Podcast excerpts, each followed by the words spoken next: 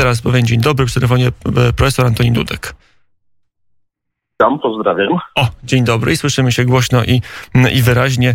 Czasami tradycyjne drogi są prostsze.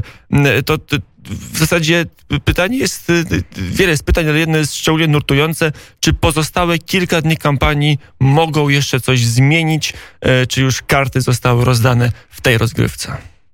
Nie no, zdecydowanie będą mogły coś zmienić, tylko że my nie będziemy nawet po wyborach wiedzieli, w jakim zakresie zmieniły, no chyba, że wydarzy coś się absolutnie takiego, powiedziałbym, no, przełomowego.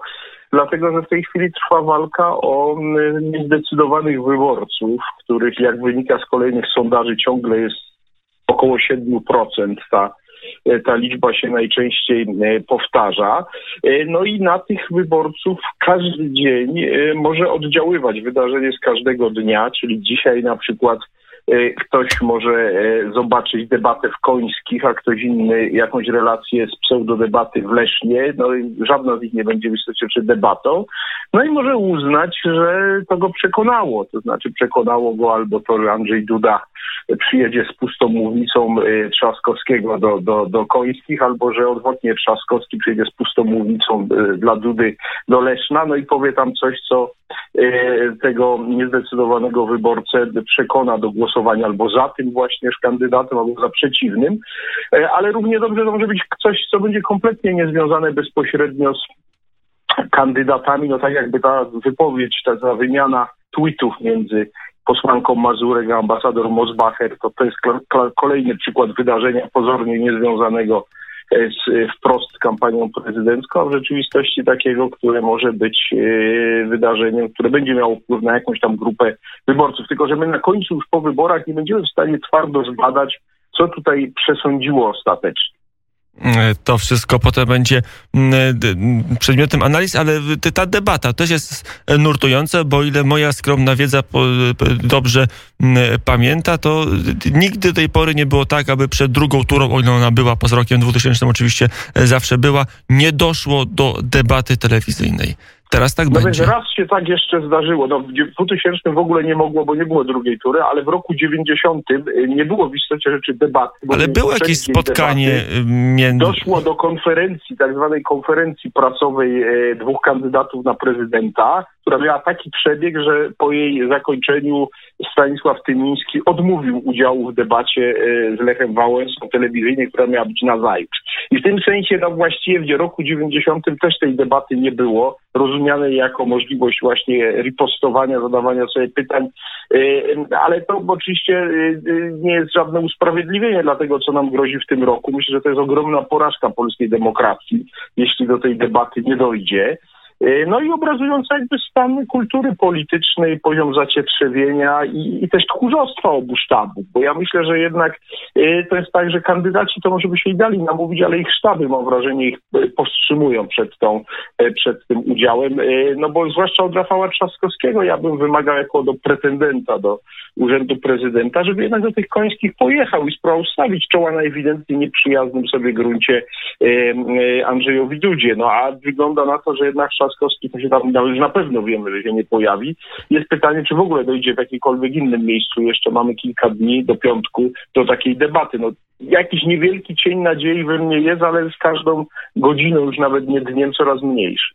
E, pana ulubiony wicemarszałek Ryszard Terlecki dzisiaj e, w poranku Radia Wnety e, mówił, że nie widzi wielkich szans na debatę prezydencką z udziałem chociażby w tym formacie wszystkich trzech, z udziałem wszystkich trzech dużych telewizji informacyjnych. No wie pan, no to tym bardziej to jest potwierdzenie tego, co przypuszczam, tylko możemy dyskutować, dlaczego tak się stało i ja myślę, że tu obie strony są sobie winne. Ja mam wrażenie, że obie strony uznały, że mogą stracić na tej debacie, znaczy ich kandydat może stracić i lepiej, żeby do niej nie doszło.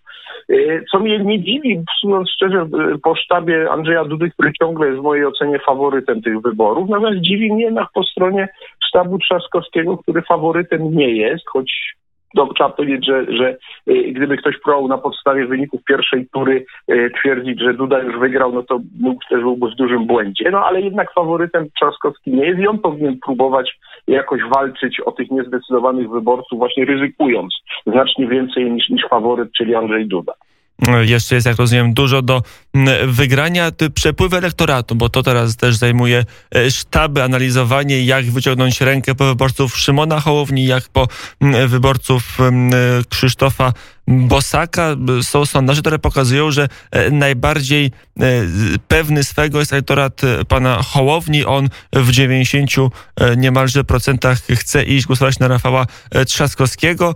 A i to jest też ciekawe z tych sondaży. Dzisiaj taki sondaż dla Dziennika Gazety Prawnej pokazał, że chętniej na Andrzeja Dudę w drugiej turze zagłosują wyborcy Roberta Biedronia niż Krzysztofa Bosaka właśnie. To też jest ciekawy sygnał, który, który mówi, że być może tak, taki odgórny politologiczny podział sceny politycznej e, nie jest, nie przykłada się do indywidualnych wyborów e, Polaków.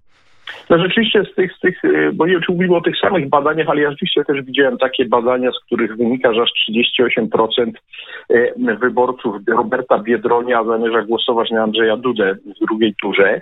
No co rzeczywiście może być zaskakujące z punktu widzenia tych klasycznych podziałów politycznych, ale mnie to nie dziwi, ponieważ y, jakby trzeba sobie zdawać sprawę, że tych wyborców, powiedziałbym, takich ukształtowanych poglądach politycznych jest mniejszość, a w wyborach prezydenckich bierze udział wyraźna większość uprawnionych do głosowania, w tym tacy ludzie, e, którzy najkrócej mówiąc mają wysoce nieuporządkowane poglądy polityczne i na pierwszy rzut oka wewnętrznie ze sobą sprzeczne. No właśnie taki wyborca Roberta Biedronia z pierwszej tury głosujący w drugiej turze na Andrzeja Dudę, można oczywiście jakoś argumentować, że na przykład on się kieruje głównie kwestiami gospodarczymi. No, e, Biedroń e, jest zwolennikiem daleko idącego interwencjonizmu państwa w gospodarkę, no i w związku z tym, prawda, ponieważ odpadł Y, y, zwolennik takiej opcji w pierwszej turze, no to niewątpliwie większy zwolennikiem interwencjonizmu państwa w gospodarce y, z tych dwóch, którzy pozostali jest Andrzej Duda i może... Rafał Trzaskowski. A może Trzaskowski? Tylko że, to, tylko, że to zarazem oznacza, że wszystkie kwestie związane z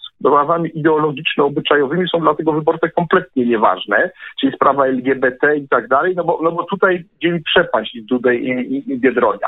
Więc to pokazuje, że, że ci wyborcy nie są tak, jak sobie ich wyobrażamy, jako ludzie o pewnym spójnym e, przekazie, no skoro ma już lewicowe poglądy gospodarcze, to ma też lewicowe poglądy na sferę obyczajową e, czy, czy kulturową. No nie, może być właśnie tutaj różne mutacje, mogą być różne wersje, a potem pamiętajmy, że mamy też w ogóle grupę wyborców, w ogóle nie mają żadnych poglądów ani w sprawach gospodarczych, ani ideologicznych, tylko kierują się impulsem, jakimś kaprysem, e, jakimś, jakimś otoczeniem swoim, które na nich oddziałuje w ostatniej chwili. Oznajomą, weź, chodź, zagłosuj na tego czy drugiego, bo, bo fajny jest no to pójdę i zagłosuję, co mi wchodzi. Stąd, niech pan zwrócił uwagę, te apele bardzo to się nasilały zaraz z każdym dniem obu kandydatów i ich sztabów, żeby namawiać e, o ludzi z otoczenia. Tak jest, rodzinę, znajomych. Sąsiada, rodzinę, znajomych, bo, bo, to, bo to rzeczywiście działa, bo to rzeczywiście działa. To nie jest przypadek, że oba sztaby do tego namawiają, bo to rzeczywiście działa na tych niezdecydowanych także, żeby w ogóle iść głosować. Jeszcze mamy taką grupę, która dzisiaj nie wie i nawet jeszcze w piątek i w sobotę nie będzie wiedziało, czy pójdzie w niedzielę i decyzję podejmie pod wpływem impulsu w niedzielę, także pogoda może tu mieć pewien wpływ. Także tu czynników, dlatego to jest tak naprawdę z wszystkich wyborów, jakie mamy, te są najbardziej nieprzewidywalne. Mówię o drugiej turze wyborów prezydenckich, sytuacji takiego bardzo mocnego wyrównania poparcia, no a ono jest cechą już nie, nie tylko tej kampanii, bo to się też wcześniej zdarzało. Tak naprawdę tylko w tym wspomnianym roku 90 e, e, Wałęsa rozgromił Tymińskiego w drugiej turze, o ile dobrze pamiętam, mniej więcej 76 do 24%, mniej więcej tak. A później to już było, prawda, 2-3% różnicy. No poza rokiem 2000 oczywiście, ale e, o tym tak, wspominać tak, no, nie trzeba. To jest wyjątek. Rok 2000 jest wyjątkiem. Mówimy o sytuacjach drugiej tury. Nie, nie rozpatrujemy sytuacji, gdzie w ogóle nie ma drugiej tury. To jeszcze zapytam o Rafała Trzaskowskiego i tą deklarację, że dość sporo spora grupa wyborców Biedronia w drugiej turze e, zamierza na Andrzeja Dudę głosować. Może to jest efekt tego, że jednak zbyt duży szpagat polityczny wykonał kandydat Platformy Obywatelskiej, e, bardzo mocno sięgając i kokietując wyborców Konfederacji i część lewicowych wyborców powiedziała, no to my teraz, skoro ty taki jesteś brunatny, to my już na tego Dudę zagłosujemy. Wie pan, no oczywiście można i tak udowadniać, tylko że to jest nieweryfikowalne, dlatego że wie pan, to zakładałoby, że ci wyborcy rzeczywiście tak uważnie śledzą politykę jak pan czy ja. A ja naprawdę chcę panu uświadomić, zresztą że pan się o tym doskonale wie, ale naszym słuchaczom, że naprawdę jest masa ludzi, która jak tylko widzi w telewizji jakiś program polityczny, łapie czym prędzej pilota i przełącza. Jak widzi gdziekolwiek jakiś tekst polityczny w internecie, natychmiast przechodzi na inną stronę i dopiero w takich sytuacjach jakiej totalnej gorączki, już nie mogą uciec od tego w ogóle, to się nagle decydują, prawda? Ale to, może to być irytujące dla wyborców jakichś świadomych, wykrystalizowanych poglądach, to może wręcz do szału ich doprowadzać i, i prowadzić do smutnych wniosków, że demokracja nie ma sensu, nawet przed czym bym przestrzegał, ale tak już jest, że jest pewna pokaźna liczba e, e, obywateli, którzy mają prawa polityczne i kompletnie ich ta polityka nie interesuje, a oni często ważą. No i w związku z tym ja bym się nie doszukiwał w tych wyborcach, bo mi się wydaje, że tak ktoś, kto ma wyrobione poglądy polityczne, to tak łatwo ten szpagat e Trzaskowskiego go nie, nie, nie, nie, powiedziałbym, nie, nie, nie, nie, znaczy nie, nie, nie spowoduje, że oni go od niego odejdą. Bo, bo, bo to jest normalne, że w drugiej turze e, politycy wykonują pewne szpagaty. Powiem więcej, jeżeli Andrzej Duda przegra, to być może dlatego, że właśnie jakoś Pagad nie próbował w wystarczającym stopniu zrobić, tak jak Trzaskowski. Bo, bo jak mówię, jest ciągle faworytem, ale mam wrażenie, że Andrzej Duda jakby zapomina o tym niezdecydowanym wyborcy o umiarkowanych poglądach i mam wrażenie, że kolejnymi swoimi wypowiedziami raczej utwierdza e, tych wyborców, których już ma. I to chyba nie jest dobra strategia. E, mobilizuje to, co ma, e, być może na niższą frekwencję licząc, a to jeszcze dopytam w tym, w, w, w tym aspekcie, bo wydaje się rzeczywiście, to jest może moja subiektywna oczywiście ocena, ale że znacznie bardziej spójny przekaz ma mimo wszystko prezydent Andrzej Duda.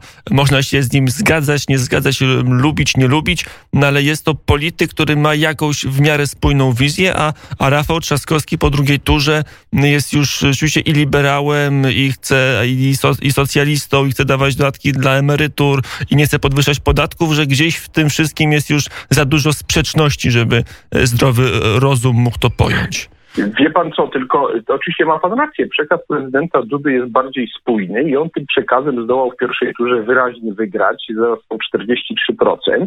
E, natomiast Trzaskowski e, miał w tej pierwszej turze ledwie 30%. I zasadniczo, gdyby teraz Trzaskowski trzymał się dalej, powiedziałbym, takiego wyłącznie liberalnego przekazu, to zostałby na 30 kilku procentach. On nie ma wyboru, on musi tego szpagatu dokonywać po to, żeby dogonić Andrzeja Duda, w zamiarze go nawet przegonić. Czyli mówiąc krótko, y, on y, musi walczyć o głos tak różnych wyborców, jak wyborcy Biedronia i Bosaka, prawda? Andrzej Duda zasadniczo też, ale mam wrażenie, że on się czuje pewniej w roli tego, który już ma 43%, potrzebuje tych 7, y, prawda? A Trzaskowski potrzebuje potrzebuje jednak 20% nowych potencjalnie wyborców, żeby, żeby pokonać, pokonać Dudę, więc stąd ten szpagat większy Trzaskowskiego. Zgadzam się, jego przekaz jest kompletnie, zresztą powiedzmy sobie też wprost, jaka jest prawdziwa stawka tych wyborów. To, to jest, nie będę tu specjalnie oryginalny, bo sam to wielokrotnie mówiłem, nie tylko ja. W istocie rzeczy my e, nie tylko wybieramy prezydenta Rzeczpospolitej, ale też głosujemy za kontynuacją rządów PiSu i przeciwko. I w związku z tym, co to ci kandydaci głoszą, jest tylko pewnym dodatkiem do tego zasadniczego wyboru. Że nie ma co oszukiwać, że jeżeli Andrzej Duda wygra, no to PiS będzie, e, nie wiem czy spokojnie, ale stabilnie miał szansę na utrzymanie rządów przez najbliższe ponad trzy lata lata. Natomiast jeśli wygra Trzaskowski, to niezależnie od jego deklaracji, że on tam będzie jakieś konstruktywne przedłożenia rządu yy, popierał, to dla każdego jest oczywiste, że on będzie robił wszystko, żeby doprowadzić do przedterminowych wyborów parlamentarnych, może nie od razu, w najbliższym możliwym terminie, bo tu się jeszcze będzie trwała taka wojna na wykrwawienie, żeby się trochę nastroje społeczne przesunęły, no bo dziś Zjednoczona Prawica ma ciągle w sondażach wyraźną przewagę nad yy, Koalicją Obywatelską, ale w sondażach wyraźną przewagę nad yy, Koalicją koalicją obywatelską, ale gdyby się to na przykład miało zmienić za pół roku czy za rok. To na wiosnę no to wybory wtedy... parlamentarne. Dokładnie, wtedy będzie prezydent, oczywiście on samodzielnie tego nie jest w stanie zrobić, ale może wykonywać różne ruchy, które y, doprowadzą, czy będzie próbował doprowadzić do takich przeterminowych wyborów. I to jest rzeczywista stawka tych wyborów prezydenta. Czyli 12 lipca są naprawdę ważne wybory. Profesor Antoni Dudek był gościem popołudnia wnet. Panie profesorze, dziękuję, dziękuję bardzo za rozmowę.